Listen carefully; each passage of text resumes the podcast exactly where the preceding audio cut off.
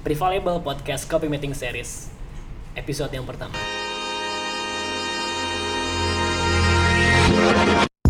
Pada podcast kali ini kita akan ngobrol bareng dengan founder dan CEO dari Ocha Yaitu Mas Rizky Halo Mas Rizky Halo.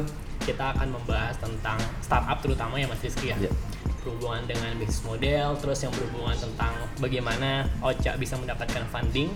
Terus yang ketiga kita juga akan ngebahas tentang bagaimana sih cara untuk customer acquisition strateginya. Karena kan kalau di startup itu kan yang paling susah eh, pertama berhubungan sama cash flow. Iya. Yang berhubungan sama cash flow dan itu langsung connect sama yang namanya bagaimana kita bisa mendapatkan customer. Iya. Itu jadi poin yang paling krusial banget. Karena based on riset juga kan 9 dari 10 startup itu kan mati di tahun yang pertama. Iya. Terus kita juga akan ngebahas juga tentang corporate startup. Ini menarik banget nih. Nah, nanti kita akan kulik uh, lebih jauh bagaimana strategi Ocha untuk bisa survive sampai sekarang. Oke Mas Rizky, uh, ini kita akan masuk ke sesi yang pertama. Mungkin sebelum kita bahas lebih jauh tentang business model dan customer acquisition strategy, Mas Rizky bisa cerita dulu nih uh, bagaimana sih uh, Ocha terbentuk ibaratnya. Uh, problem apa yang mau coba di solve? Pertama, saya Rizky dari OCA. OCA itu apa sih singkatannya? Itu Apa tuh, Mas? Omni Communication Assistance. Oke. Eh, kita ini mulai dari pertama problem yang dialami teman-teman operasional, terutama di perusahaan kita sekarang, Eh, terkait dengan caring ya, Caring. atau caring customer ya kan, Oke. atau kita sebut juga eh, how to approach customer, terutama lewat telepon yang pertama. Oke. Case-nya itu dulu seperti ini. Pertama itu kita punya pelanggan banyak. Terus ada sebuah trouble nih, sehingga service yang dialami pelanggan-pelanggan kita yang banyak itu Hmm. eh, mengalami gangguan atau kendala ya. Oke. Terus mereka tidak bisa menikmati. Terus kemudian ada proses eh, perbaikan lah ya. Setelah proses perbaikan biasanya kita cek ulang kan. Waktu dulu eh, zaman awal sebelum ada Ocha kita itu melakukan caringnya itu ya atau caring atau nelponin pelanggan itu satu persatu untuk mema- sekedar memastikan bahwa apakah layanannya sudah selesai diperbaiki Oke.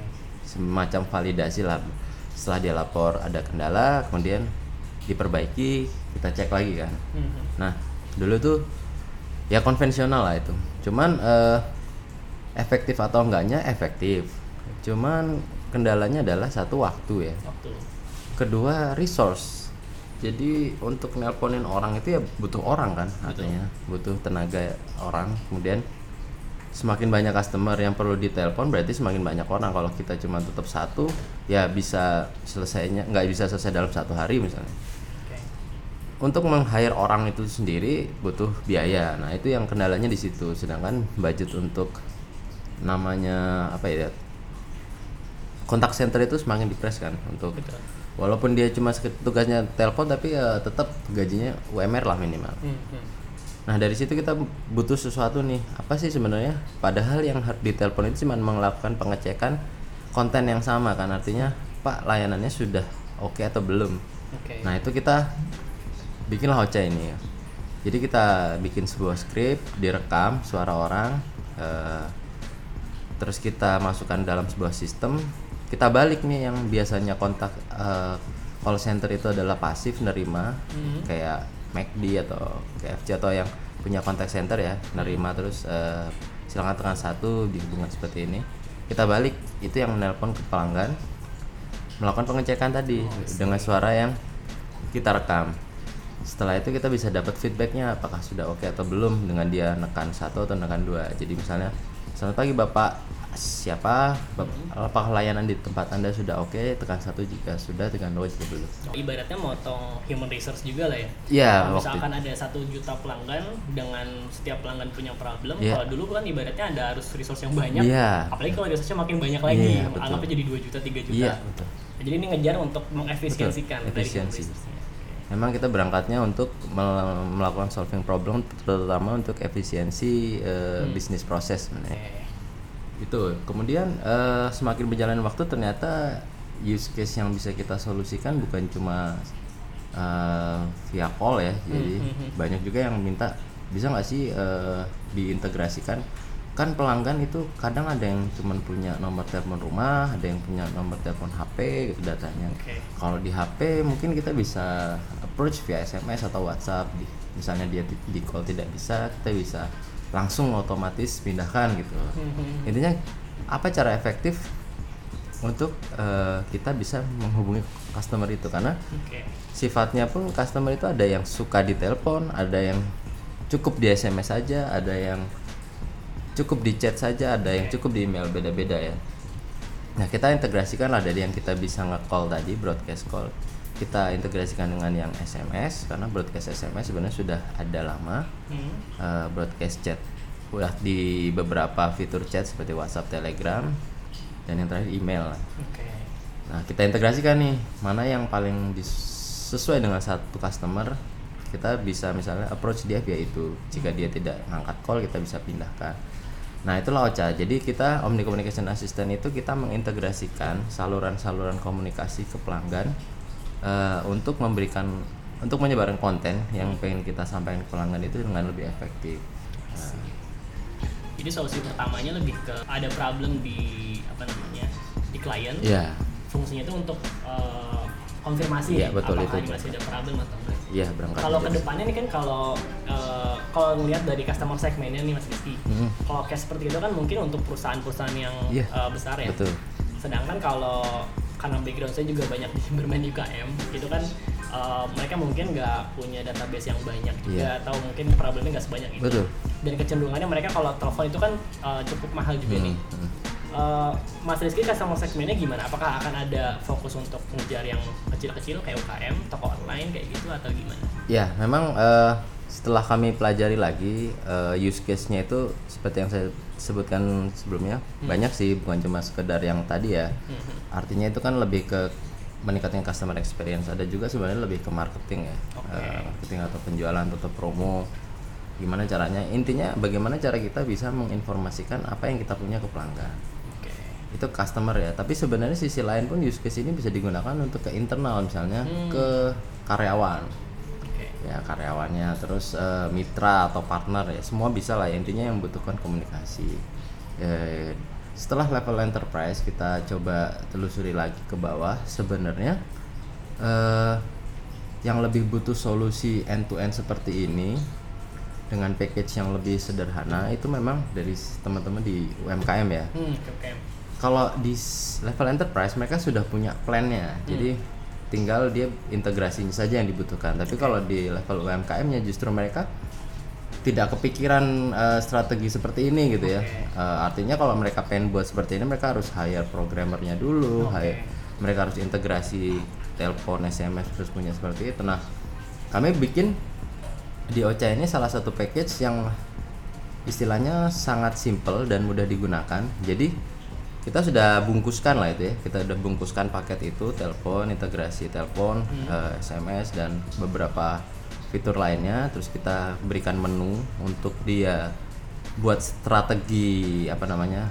Strategi untuk pendekatannya itu Hmm. dalam satu web application yang web application yang kita bungkus itu dan itu kita berikan ke eh, perusahaan-perusahaan yang menengah ya atau UMKM yang Hmm. Intinya butuh solusi end to end untuk eh, komunikasi tapi mereka tidak punya resource untuk membuat itu kita bikinkan paket yang sudah intinya tiga, mereka tinggal pakai lah ya Jadi kita bantu mereka untuk punya PR do double lah ibaratnya sebagai Ocha nih ya. Pertama eh, mengedukasi dulu kalau Iya. misalkan eh, komunikasi yang Iya. omnichannel itu penting. Terus yang kedua ya kita eh, ngasih solusi ke mereka Iya, dengan betul. mungkin pricing lebih betul kita terjangkau. kita bungkuskan eh, paket yang paling simple dan mudah digunakan. Sehingga mereka tidak butuh lagi mm, membuat menyediakan resource mulai dari resource teleponnya. Mereka tidak harus beli Hmm, teleponnya banyak. Mereka tidak harus beli server sendiri tidak perlu hire program sendiri. Kita sediakan semua di cloud kita. Mereka tinggal pakai Oh, dengan harga yang lebih miring karena semua resource-nya ada di kita ya. Oke. Mereka terima beres lah itu. iya terima beres Berarti ya. punya karyawan keren tuh Iya. di support by Ocha ya. iya kita sediakan toolsnya untuk approach mereka ke pelanggan Kalau boleh eh, cerita sedikit Mas Rizky, eh, itu kan kita udah ngebahas tentang dari segi problem sama solusi Iya. yang di offer Mhm. sama Ocha ya. Eh, mungkin bisa sedikit cerita dari sejarah berdirinya Ocha juga nih. Eh, Oke. Ocha itu anak perusahaan apakah atau Iya. eh, konsepnya kayak gimana sih? Betul, itu tadi tentang OCA ya, teknis dan latar belakang awal. Jadi saya akan bahas sedikit. OCA itu under Telkom Indonesia. Oh, Jadi I see. sekarang Telkom Indonesia itu sedang punya program eh, yang biasa disebut dengan corporate startup. Oke. Mungkin di beberapa perusahaan dan BUMN lain juga sudah mulai ngetrend ya Mhm. di Indonesia terutama. Eh, dulu itu eh, ceritanya seperti ini, corporate lah ya. Hmm. Kemudian muncullah startup. Startup itu bisa menggulingkan corporate. Tapi startup itu rata-rata memang umurnya pendek. Nah, ada saat satu inovasi yang menggabungkan corporate-corporate besar supaya bisa bergerak lebih cepat dengan funding mereka. Namanya istilah barunya corporate startup. Oh. Startup ini didanai atau difunding atau dibiayai oleh corporate ini. Jadi ibaratnya corporate jadi kayak venture capital Iya, gitu ya? dia Oke. daripada venture cap dia bi, eh, apa namanya beli ya Hmm. atau dia beli atau akuisisi startup ba- yang sudah jadi dia akan lebih mahal dia Betul.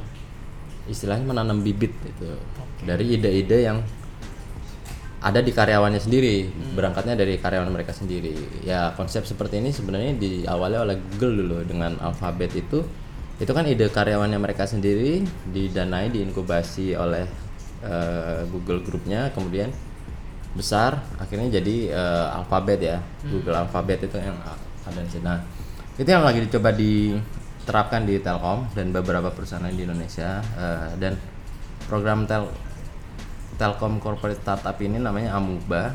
Di situ eh, ada beberapa startup. Nah, kita ini OCA ini berangkat dari situ. Oh, I see. Jadi dari ide karyawan tadi yang saya bilang di awal bahwa kita pengen mensolusikan masalah operasional, kita angkat ke situ. Ternyata diterima dengan baik. eh, kita di funding, di inkubasi di situ, dibimbing eh, dengan step yang lebih profesional lah ya. Oke, dengan corporate level. Iya ya, dengan corporate level, tapi dengan kecepatan seperti startup. kan.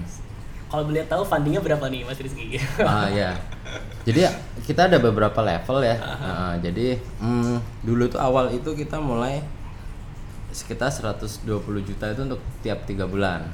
Tiga bulan 120 juta, Iya. berarti sebulannya sekitar 40. Iya, betul. Itu sampai level kita valid ya bisnisnya. Jadi customer itu levelnya customer validation, kemudian product validation. Oke. Nah itu 120 juta tuh selama tiga bulan. Sudah valid, itu ada, tentu ada targetnya ya. Itu Ada targetnya. Kalau boleh tahu aja berapa lama butuh waktu untuk bisa validasi dari uh, customernya, problemnya itu sama solutionnya itu? itu kita Iya. melewati masa customer validation sampai product validation tiga bulan Tiga bulan. Hmm, tiga bulan aja tapi itu beda-beda ya waktu OCA itu tiga bulan kita sudah ternyata customer validation kita nggak lama Hmm. kita bisa karena memang berangkatnya dari problem yang dialami ya dialami jadi Oke. ketika customer validation kita tidak begitu lama Jadi problemnya udah ada nih. Nah, problemnya udah ada. dalam, Terus Jadi kita- offer solution yang oke lah ya berarti. makanya kita langsung eh, ya cuman customer validation nggak lama cuma sekitar seminggu langsung jam ke product Oh, validationnya oke. itu ng- habis cuma tiga bulan di atas itu kita mulai ke market ya market validation Hmm. business validation itu bisa 100 sampai 200 juta setiap bulannya. Hmm. Itu termasuk dalam untuk marketing cost. iya semua Untuk hiring tim juga iya betul. Eh, jadi mungkin itu bisa jadi solusi juga mungkin ya untuk teman-teman yang emang pengen terjun di dunia startup. Betul. Tapi mungkin dia nggak tahu mulai dari mana. Jadi berarti dia bisa dua kaki ya mungkin Iya, dua ya. Dia kaki. join ke perusahaan corporate yang menyediakan corporate Hmm, startup, betul. di join dari sana. Karena kalau saya lihat sih memang eh, BUMN mulai fokusin untuk nargetin orang-orang yang punya jiwa entrepreneurship. Iya, Jadi betul. orang punya entrepreneurship tadi di dalam perusahaan itu sendiri Betul. seperti itu ya. Ocha udah berapa lama Mas Rizky? Kalau jadi eh, awal mula kita itu 2017 akhir ya oke. 2017 akhir itu terus validasi yang tiga bulan itu 2018 awal uh, market validation kita enam bulan artinya kita mulai jualan bener-bener itu ya eh, 2018 akhir lah ya 2018 Hmm, jadi mungkin sekarang kita sudah hampir mau dua tahun sih Udah tahun. Hmm. Oke itu adalah sesi yang kedua. Nah, Iya. sekarang kita mulai masuk sesi yang ketiga. Kita udah ngebahas tentang story uh, di balik uh, ojanya, Iya. udah ngebahas tentang bisnis model, dan kita terakhir akan ngebahas satu yang lebih seru lagi, Iya. yaitu tentang bagaimana sih strategi Ocha bisa uh, gaining customer. Oh ya. Nah ini uh, mungkin Mas Rizky bisa cerita juga nih. Kalau saya lihat kan customernya langsung telkom langsung. Iya.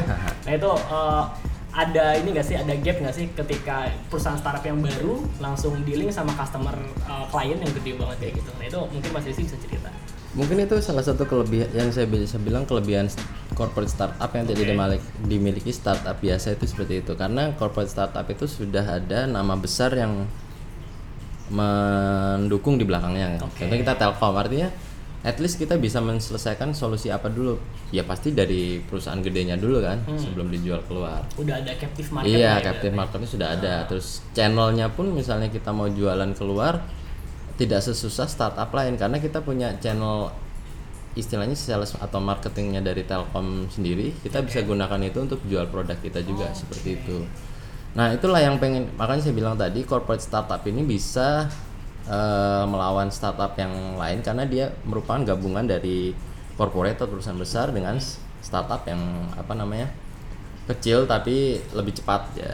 Ini menggabungkan berusaha menggabungkan dua konsep itu. Nah eh, strategi OCA sendiri sebenarnya mostly kita eh, menyelesaikan pro- program eh, pro problem yang ada di internal dulu tadi di di Telkom sendiri Telkom sendiri. kemudian anak perusahaan Telkom dulu baru kemudian eh, perusahaan-perusahaan di luar untuk UKM kita juga eh, berusaha untuk masuk ke UKM itu lewat beberapa channel kita antara lain di web ya kalau untuk yang perusahaan besar sebenarnya mostly itu dari channel di Telkom di sales atau AM-nya di Telkom itu yang kita masuk ke perusahaan-perusahaan enterprise besar. Hmm. Kalau yang ke UMKM memang kita eh, dari channeling-channeling dari web, kemudian dari ya pokoknya kita eh, ya hampir sama lah ya itu sama kayak teman-teman yang di startup lain lewat Instagram, lewat sosial media, ads segala macem. Nah, eh tadi ada pertanyaan lagi, kaget nggak sih langsung Nah itu dia. gede itu? Baru Ya, mulai langsung gede terus pasti kan ada gap antara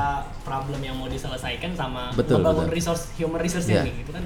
Ada Ya, problem. itu pasti ada. Cuman eh, pasti ada banget karena ada pros konnya pasti. Prosnya itu kita dengan masalah yang langsung besar, artinya kita validasi problemnya itu bisa langsung scale up Oke. sampai menyelesaikan masalah-masalah yang levelnya memang enterprise.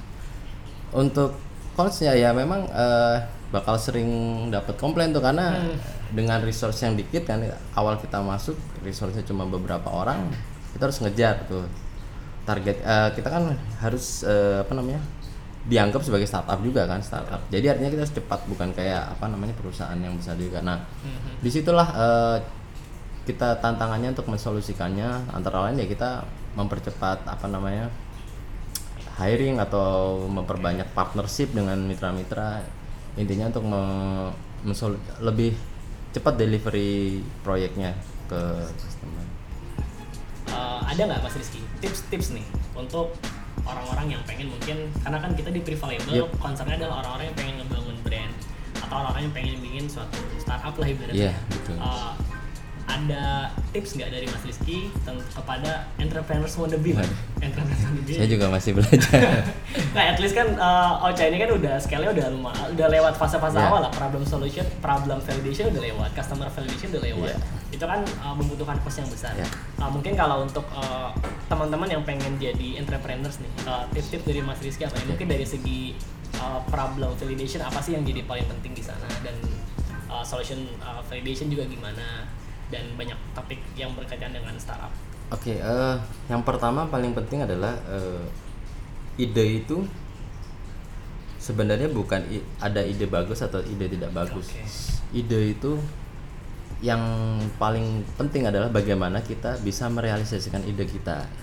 Mau punya ide bagus tapi tidak terrealisasi sama aja. Ide tidak bagus tapi terrealisasi dengan bagus, dia bisa tervalidasi dengan sendirinya dan akan berkembang menjadi sebuah produk yang bagus juga. Artinya ketika Anda memiliki ide, mulailah jalan, carilah jalan yang paling dekat dulu aja. Kalau saya kebetulan waktu itu punya ide di lingkungan yang alhamdulillahnya men- mendukung itu. Tapi eh, pasti saya yakin Indonesia sekarang itu sudah mulai banyak ya program-program entrepreneurship. Program-program yang untuk funding-fundingnya sudah mulai banyak juga apa namanya kayak hack idea seperti itu yang bisa mencari ide-ide untuk dikembangkan jadi sebuah uh, produk atau startup lain. Ya, mulai dari yang dekat dulu. Dengan ide kita, mulai dari yang mulai dari yang dekat dulu uh, cari mana yang bisa membantu kita merealisasikan ide kita. Intinya ya kita jalanin aja dulu gitu. Heeh. jangan mempertanyakan ide aja terus Iya. ya, tapi eksekusi dulu Pasti. pivoting Iya kemudian lah betul. ibaratnya. Ide itu yang pen- paling penting adalah eksekusinya. eksekusi. Terus nih Mas Rizky ada satu pertanyaan lagi yang penting uh, menurut saya untuk dijawab sama Mas Rizky nih. Uh, ketika Mas Rizky di awal sebelum ngedevelop sebuah uh, startup Ocha ini, itu kan Mas Rizky posisinya sebagai uh, di bawah Telkom. Iya betul. Ketika bergerak jadi co-founder, itu kan ibaratnya mindsetnya berubah nih Iya. dari seorang yang uh, di dalam sistem Betul. jadi orang yang uh, leading sebuah startup gitu. Iya. Itu Mas Rizky gimana tuh untuk uh, ibaratnya apa ya? uh, untuk bisa dealing lah, dealing dengan perubahan mindset, perubahan uh, apa cara berpikir pasti kan ada yang berbeda ya, Mas Rizky. ya. Hmm, hmm. Itu ada tips-tips juga nggak tuh Mas Rizky untuk yang seperti itu? Ya eh, intinya kalau untuk itu kita yang pertama dari orang yang corporate banget ya itu ya. Hmm, Waktu hmm, itu hmm. saya merasa saya itu korporasi banget, birokrasi banget. Kemudian masuk ke lingkungan startup yang eh, semuanya serba fleksibel. Harus ditabrak. Iya harus ditabrak banget. Saya sempat kaget tapi eh, yang saya pegang waktu itu adalah eh, kita tetap harus open minded, tetap harus apa namanya humble ya. Humble itu artinya kalau orang corporate itu tuh biasanya kan agak susah disuruh kayak susah dikit gitu lah ya. Hmm. Dulu tuh saya loh ini jab- orang ini jabatannya apa nih? Kok apa nyuruh-nyuruh? Sedangkan kalau di dunia yang dunia digital atau dunia startup sekarang itu udah nggak mengenal seperti itu kan nggak mengenal adanya silo-silo dan birokrasi artinya untuk merubah mindset kita yang pertama harus kita open minded. Hmm. kita harus lebih humble kita harus lebih lapar lah ya. Hmm, bahwa oke. kita tuh merasa kita tuh yang paling nggak nggak paham atau kita paling tidak tahu tetap harus eh, respect kepada orang lain. Nah itu yang yang paling penting untuk merubah mindset kita dari yang awalnya kaku atau sangat korporasi menjadi yang Hmm, lebih fleksibel. Karena memang ujung-ujungnya sekarang culture-culture atau budaya-budaya yang diterapkan di perusahaan besar pun mulai pengen mencontek budaya-budaya di ya Oh, yang oke. budaya-budaya yang lebih menghilangkan silo-silo seperti Oh, itu. silo-silo. Itu aja sih. Oke Mas Rizky, mungkin uh, itu aja pembicaraan podcast kita kali ini. Ya. Uh, kalau teman-teman pengen tahu Ocha lebih lanjut harus ke mana nih Mas Rizky? Ada Bisa di apa? ocatelkom.co.id. Ocha Ada- strip atau enggak? Enggak, langsung ocatelkom.co.id gabung. Like, uh, Facebook, Kecil semua. Instagramnya sama juga atau At Ocha, Ocha Indonesia. Ocha Indonesia? Oke. Thank you Mas Rizky. Iya, sama-sama Mas Ubay.